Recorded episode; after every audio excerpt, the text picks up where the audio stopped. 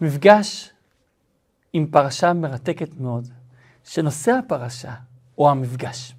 המפגש בין יוסף ואחיו, המפגש בין יוסף לאביו יעקב. פרשה מרתקת. בואו נתחיל.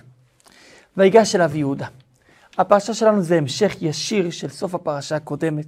שם מסופר שיוסף מתעקש שהם הביאו את האח הקטן, את בנימין איתם, ואכן לאחר שפוגשים ויש מפגש יפה עם כולם ביחד, וחוזרים חזרה, הוא שם את הכסף אצל כולם, ואצל בנימין הוא גם שם את הגביע. המחשבה של יוסף היא פשוטה מאוד. בואו נבדוק איך הם יתנהגו אליו עכשיו. הם יראו שבנימין נחשד בגניבה, ויש סיבה לחשוב שהוא גנב, כי גם אימא שלו גנבה את העבודה הזרה של לבן, וגם הוא גונב את הגביע, שזה סוג של עבודה זרה שאיתו יוסף היה מנחש, אז אם כן, יש לנו סיבה לחשוב שאכן בנימין גנב, ובואו נראה, האם האחים שלא הגיעו מאותה אימא, שהגיעו מלאה, האם הם מקבלים אותו על אף החשד, או שהם נלחמים בו? האם הם נלחמים עבורו, מגבים אותו? ואז יהודה ניגש אל יוסף, ויגש אליו יהודה ויאמר, בי אדוני. אומר רש"י, דיבר איתו קשות. הרמב"ן מסביר את זה אחרת. הרמב"ן אומר, לא דיבר איתו קשות, אלא דיבר איתו תחנונים, התחיל להתחנן בפניו. ידבר נא עבדך דבר באוזני עבדוני, ואליך רבך באביך, כי כמוך כפרעה. מביא רש"י ארבעה פירושים. או שאני, אם לא תהיה ברירה, אני אלחם גם בך וגם בפרעה שלך. או שאתה חשוב בעיניי כמו מלך, כמו פרעה. או שסופך ללקוט כמו שפרעה לקה בצרעת. או שאתה כמו פרעה, שפרעה מבטיח ולא מקיים, גם אתה מבטיח ולא מקיים. הרמב"ן מוסיף פירוש חמישי, שהכוונה היא שאומר, אני חשוב, אתה חשוב לי כמו מלך, שכמו שמלך לא מתאים לו לשקר, גם לך לא מתאים לשקר. אדוני שאל את עבדיו לאמור, וכאן מתחיל פירוט. למה כל הפירוט הזה? אומר הרמב"ן, כל הפירוט הזה כדי לעורר את רחמיו של יוסף. יש לכם אב או אח? מסביר רש"י, מה זה השאלות המוזרות האלה? מה, אתה רוצה להתחתן איתנו? אנחנו צריכים להתחתן איתך? מה זה כל החקירה הזאת? יש לכם אבא או אח? אבל ענינו לך. מה שנקרא בעברית של היום, זרמנו איתך. אמרנו, יש לנו אב זקן, וילד זקונים קטן, ואחיו מת, ויוותרו לבדו, ואביו אוהב אותו מאוד, ואתם אמרתם, תורידו אותו ואני אשים. אבל אבא שלנו לא רצה, אבא פחד. למה? האבא יודע שרחל מתה בדרך. נכון, בגלל סיבות נוספות, אבל תכף זה קרה בדרך. וגם, וגם אה, יוסף מת בדרך, ככה הוא חושב. כבר שתי מכות באותה משפחה שקרו בדרך, אז הוא חשש שגם לבנימין יקרה משהו בדרך. בואו נשים לב שבאמת האחים שידעו שהוא לא מת בדרך, יוסף, אז יודעים שהיה פה רק דבר אחד, לכן הם ישנים, אומרים שמא ימות בדרך. האבא חשב שזה כבר ודאי. ואז אומר לנו אבא, אנחנו לא, לא מסכים לכם לרדת, מסוכן מדי. אבל אחר שנגמר האוכל, אין ברירה, ואנחנו עושים חשבון. אם לא נוריד, נרד, כולם ימותו. ואבא אומר לי, למה אמרתם לו שיש לכם אח? הרי שתיים ילדה לי אשתי האהובה, רחל, אומר להם יעקב. האחד מת, טרוף טורף, לא ראיתי ודנה. אם תיקחו גם את זה, קראו אסון, ואבא כל כך קשור לו. ולכן אני, יהודה, עשיתי ערבות. פעם ראשונה שאנחנו רואים את המושג של הערבות. מה זה ערבות? ערבות זה לשון ערבוב. אני והוא אחד. הוא זה הוא, אני זה אני. לא, שנינו זה אחד, זה נקרא ערבות. ועכשיו, אני יותר טוב מיוסף בהכל, מבנימין בהכל, גם בעבודה, גם ב, ב, בניסיון, גם במלחמה. שחרר אותו, את בנימין, אני אהיה במקומו. כי איך אעלה אל אבי והנער איננו איתי? איך אפשר לעלות לאבא בלי הנער חזרה? יוסף לא יכולת להתאפק, לא יכולת לסבול את זה. הוא לא יכולת לסבול, אומר רש"י, שהאחים שלו יכולים להתבייש מזה. הרמב"ן מביא פירוש מעניין, אומר שכל המצרים הגיעו להגן על בנימין. תמחה לו, תמחה לו, אמרו ליוסף. ויוסף כאילו דוחה אותם, דוחה אותם, והם ממשיכים, ויוסף כבר לא יכול להתעקש. לכן מוציא את כולם, ולא עמד איש איתו בתוודע יוסף אל אחיו. ואז יוסף מתחיל לבכות. המצרים היו בחדר החיצוני, הם שומעים את הבכי, נראה להם מוזר. ואז יוסף אומר לאחיו, אני יוסף, העוד אבי חי? מה זה השאלה הזאת, העוד אבי חי? אנחנו יודעים שאבא חי. מה זה השאלה הזאת? אלא מה? יוסף לא שואל אותו אם אבא עוד חי, הוא יודע שאבא עוד חי, כל השכל סביב האבא. הוא שואל יוסף, איך אבא עוד חי? הרי זה לא הגיוני. גזירה על המת שישתכח מן הלב. אבל אני לא מת, אז איך אבא יכול לסבול את הצער הגדול הזה 22 שנה? ולכן, אומר להם יוסף, האבא עוד חי, זה לא שאלה כדי לשמוע תשובה, אלא זה תמיהה. והאחים לא יכלו לענות אותו כי נבהלו מפני הבושה, התביישו ממנו.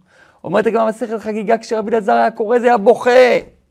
היה אומר, ואם מפני בשר ודם מתביישים לא יכולים לענות, מה יהיה כשנבוא לריבון העולמים? ודאי לא נוכל לענות. ואז אומר, תיגשו אליי, תראו, אני לא כועס עליכם, אני כמוכם, אני יוסף, יוסף אחיכם. אני לא כועס כי זה לא אתם, זה אלוקים שלח אותי כדי שיהיה מחיה.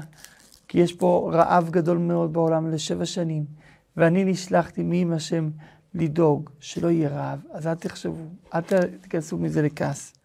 עכשיו, את, אתם לא השם שלחתם אותי, אלוקים שלח אותי.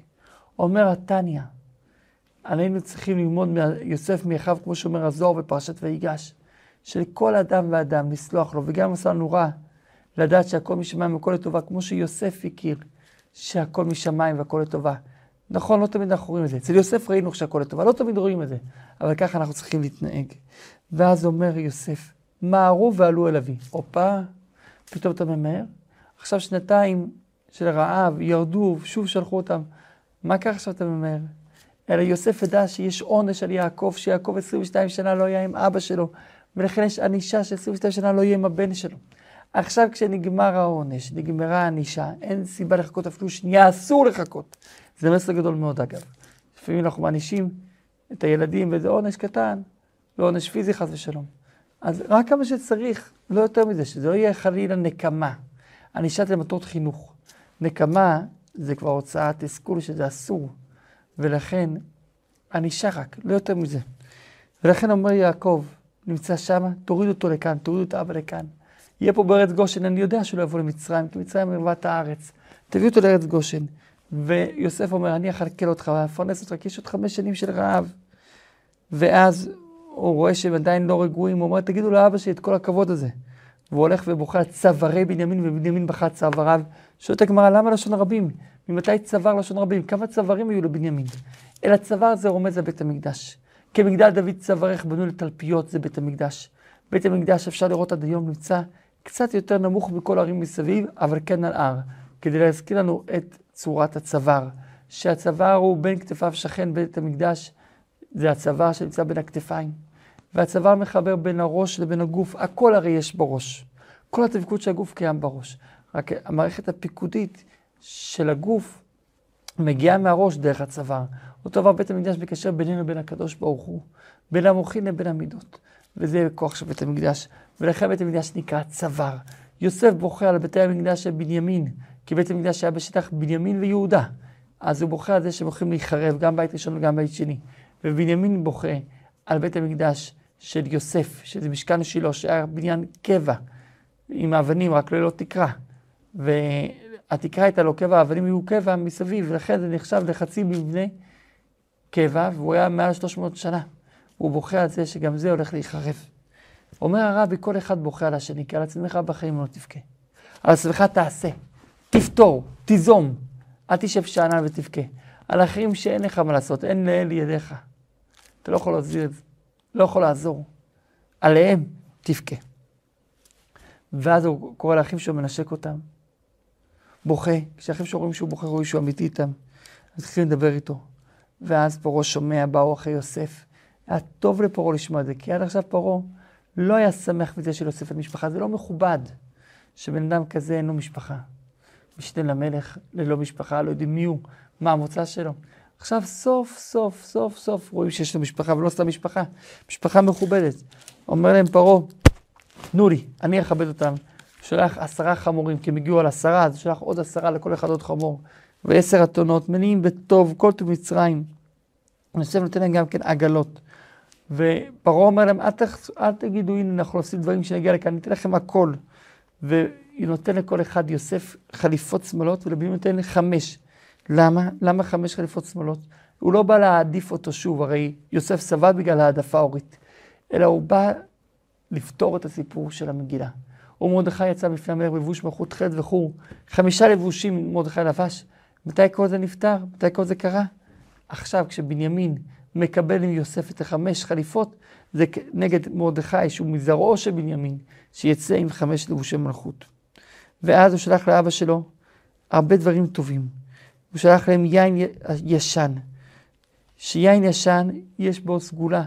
ככל שעובר הזמן נהיה יותר טוב, ככה יוסף אומר, אבא, נהייתי רק יותר טוב, רק השתבחתי.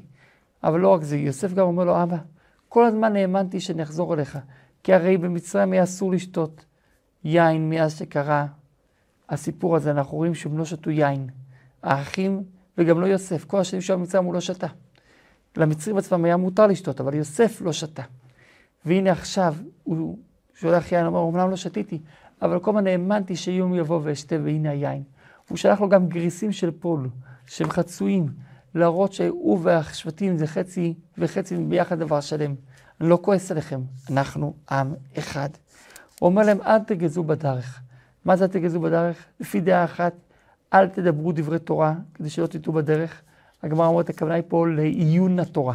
תדברו רק דברים כלילים יותר, דברים של גרסה, לא דברים של עיון.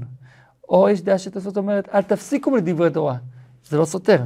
כן תדברו כל הזמן בדברי תורה של גרסה, לגרוס תורה בדרך כדי שלשמור עליכם, הדרך תישמר. דבר שני, אל תגזו בדרך, אל תריבו. אתה אשם, אתה אשם.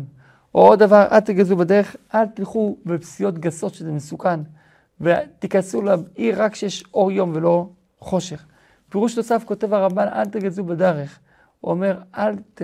זה לא רק שאל תריבו, כמו שרש"י אומר מקודם, לא לריב, אלא כותב הרמב"ן שיש תכונה כזאת שכשהולכים בדרך, אז הכל צף, יש עכשיו את הזמן, ויש עכשיו גם כן פחדים וחששות, שהם אולי יקבלו איזו התקפה של הליסטים, לגנוב להם את כל הרכוש. הוא אומר להם, אל תפחדו משום דבר. לא תהיה שום התקפה של ליסטים, כי השם שלי הוא מספיק חזק, משנה למלך מצרים, והוא, אני שם את השם שלי על המשלחת שלכם, אף אחד לא יעז להתקרב עליכם.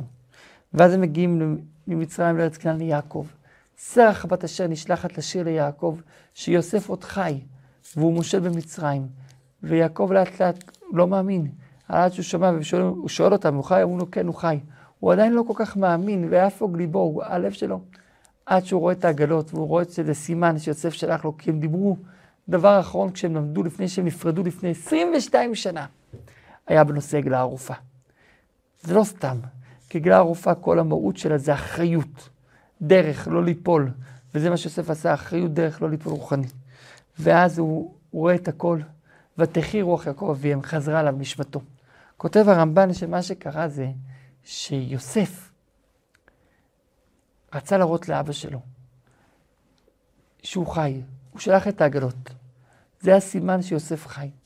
ואבא שלו, באמת, כשהוא שמע את זה, התעלף, הוא לא יכל לקבל את זה, כי דרך הרפואה, כשאדם מבוגר שמע בשורה מדי, שהוא לא יכול, הוא נופל ומתעלף. אבל אז כשהוא ראה את העגלות, הוא לאט לאט התחיל להאמין שאכן זה אמיתי. הרמב"ם מתאר את פעילות הלב שמתכווץ ואחר כך מתרחב, וזה גרם לו להתקף לב, להתעלפות כזאת. ואז, אחרי זה, כשהוא ראה את העגלות, הוא שזה אמיתי, לאט לאט רוחו שב אליו, וזה ותחי רוח יעקב אביהם. ואז ישראל, שזה יעקב, יורד למצרים, הוא עוצר בבאר שבע, זובח זבחים להשם, ואז צר לו, הוא לא מפחד, אין לו פחד, קשה לו.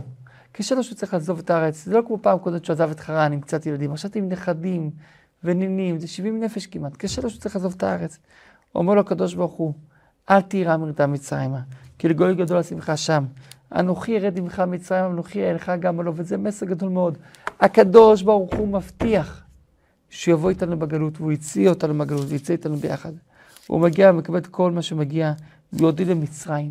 והתורה מונה את כל אלה שירדו למצרים יחד, כמעט 70 נפש, יחד עם יוסף ובניו, ויחד עם יוכבד בת לוי שנולדה בין החומות, אנחנו מגיעים ל-70 נפש. ואז התורה מונה את כולם, ולאחר מכן התורה מספרת שהוא שלח את יהודה לפני, כדי שיהודה יקים ישיבה במצרים, כדי שיהיה תורה במצרים. את יוסף הוא לא ביקש ממנו שיקים ישיבה. כי יוסף התעסק גם בניהול המדינה. יהודה שלא התעסק בניהול המדינה, היה רועה צאן, לא התעסק עוד בשום דבר. הוא מתאים לבנות ישיבה, שבישיבה לא מתעסקים עוד בשום דבר חוץ מתורה. יוסף יורד לגושנה, אבא שלו מגיע גם לגושנה, מגיעים לשמה, ובוכים. יוסף בוכה, ובוכה על הצוואר עוד, ועל הצוואר עוד. יעקב לא בוכה. למה? כי אמרנו צוואר זה בית המקדש. יעקב צריך לפתור את זה. יוסף בוכה. ואז אומר יעקב אבינו בשיא, שיא, שיא, המפגש, שיא הרגש, שמע ישראל, השם אלוקינו, השם אחד, ברוך שם כבוד מלכות העולם ועד קורא את קריאת שמע. למה דווקא אז? כי בא להראות שברגעים הכי חזקים שלנו, הכי עוצמתיים, אנחנו קשורים לקדוש ברוך הוא. אומר יעקב, עכשיו אחרי שאני רואה אותך אני יכול למות, כי אני יודע שאתה חי, אני יודע שיש לי חלק לעולם הבא. יוסף אומר, בוא, בוא נלך חזר, נגיד לכולם שאבא הגיע. ואם פרעה ישאל מי, תגידו שאנחנו רועי צאן, שהבאנו מקום לצאן כדי להתנתק מן העולם, השבטים היו דווקא רועי צאן, חוץ מיוסף. לכן דווקא יוסף הוא המנהיג שמלמד אותנו על הגלות, שהיום אנחנו כן מעורבבים מן העולם. רועי ישראל האזין לנו, לא יקוצים יוסף, המודל שלנו, זה יוסף, שהיה משנה למלך, ועם זאת, נשאר בקדושתו. הוא לוקח חמישה מאחיו, או שזה החלשים בהם או הגיבורים בהם, ומגיע לפרעה. אומר, באנו לארץ הזאת, אנחנו רוצים לגור בארץ גושן, אנחנו לא רוצים להתאבד עם המצרים, תן לנו את ארץ גושן. פרעה אכן נותן להם, יוסף מביא גם את אבא שלו, את יעקב, לפני פרעה. יעקב מברך את פרעה. פרעה שואל את יעקב, בן כמה אתה? אומר לו, בן 130 שנה. ומעט ורעים, למה מעט? אני רציתי להביא את המשיח, ולא הצלחתי עדיין להביא את המשיח. יעקב מברך את פרעה שהנילוס יעלה לקראתו, ואכן, הייתה בזה מטרה, הרי המצרים חשבו שהנילוס זה אלוקים. עכשיו שראו שהנילוס עולה בזכות ברכת יעקב, הבינו שזה לא אלוקים. ואז יצא מפני פרעה, ויוסף מושיב את כל אחיו בארץ גושן. והתורה מספרת מה היה בשנתיים של הרעב, איך שיוסף אה, מכר בכסף, וכשנגמר הכסף מכר את האדמה והעבירו אותה ממקום למקום את המצרים, כדי שכולם יהיו שייכים לפרעה, חוץ ואת הכהנים שאותם הוא לא שייך, לא שלח, ואז הוא עשה הסכם איך בדיוק יבוא הסחורה החמישית לפרעה וארבע ידות לכם, לזה הרע השדה ולאוכלכם, ואכן הם מצא חן ביניהם ההסכם, ועם ישראל גם הוא מתיישב בארץ גושן, ויאחזו בה, ויפרו וירבו מאוד. בעזרת השם נקרא שבת את ההפטרה המיוחדת, שמספרת על האחדות בין עם ישראל, בין אפרים לבין יהודה, ששניהם היו, שימשו במלוכה, יהודה מלך על יהודה ובנימין, ואילו אפרים מלך על עשרת השבטים, וכשיבוא המשיח תהיה אחדות. אחדות בכל העם. כל העם יהיה אחד, בין אשכנזים לספרדים. בין כולם כולם יהיה עם אחד ומאוחד. וזה הזמן עכשיו שביאת המשיח וההכנה לזה, שאנחנו מוסיפים באהבת ישראל, באחדות ישראל, בעזרת השם נזכה שיבוא המשיח במהרה בימינו. אמן.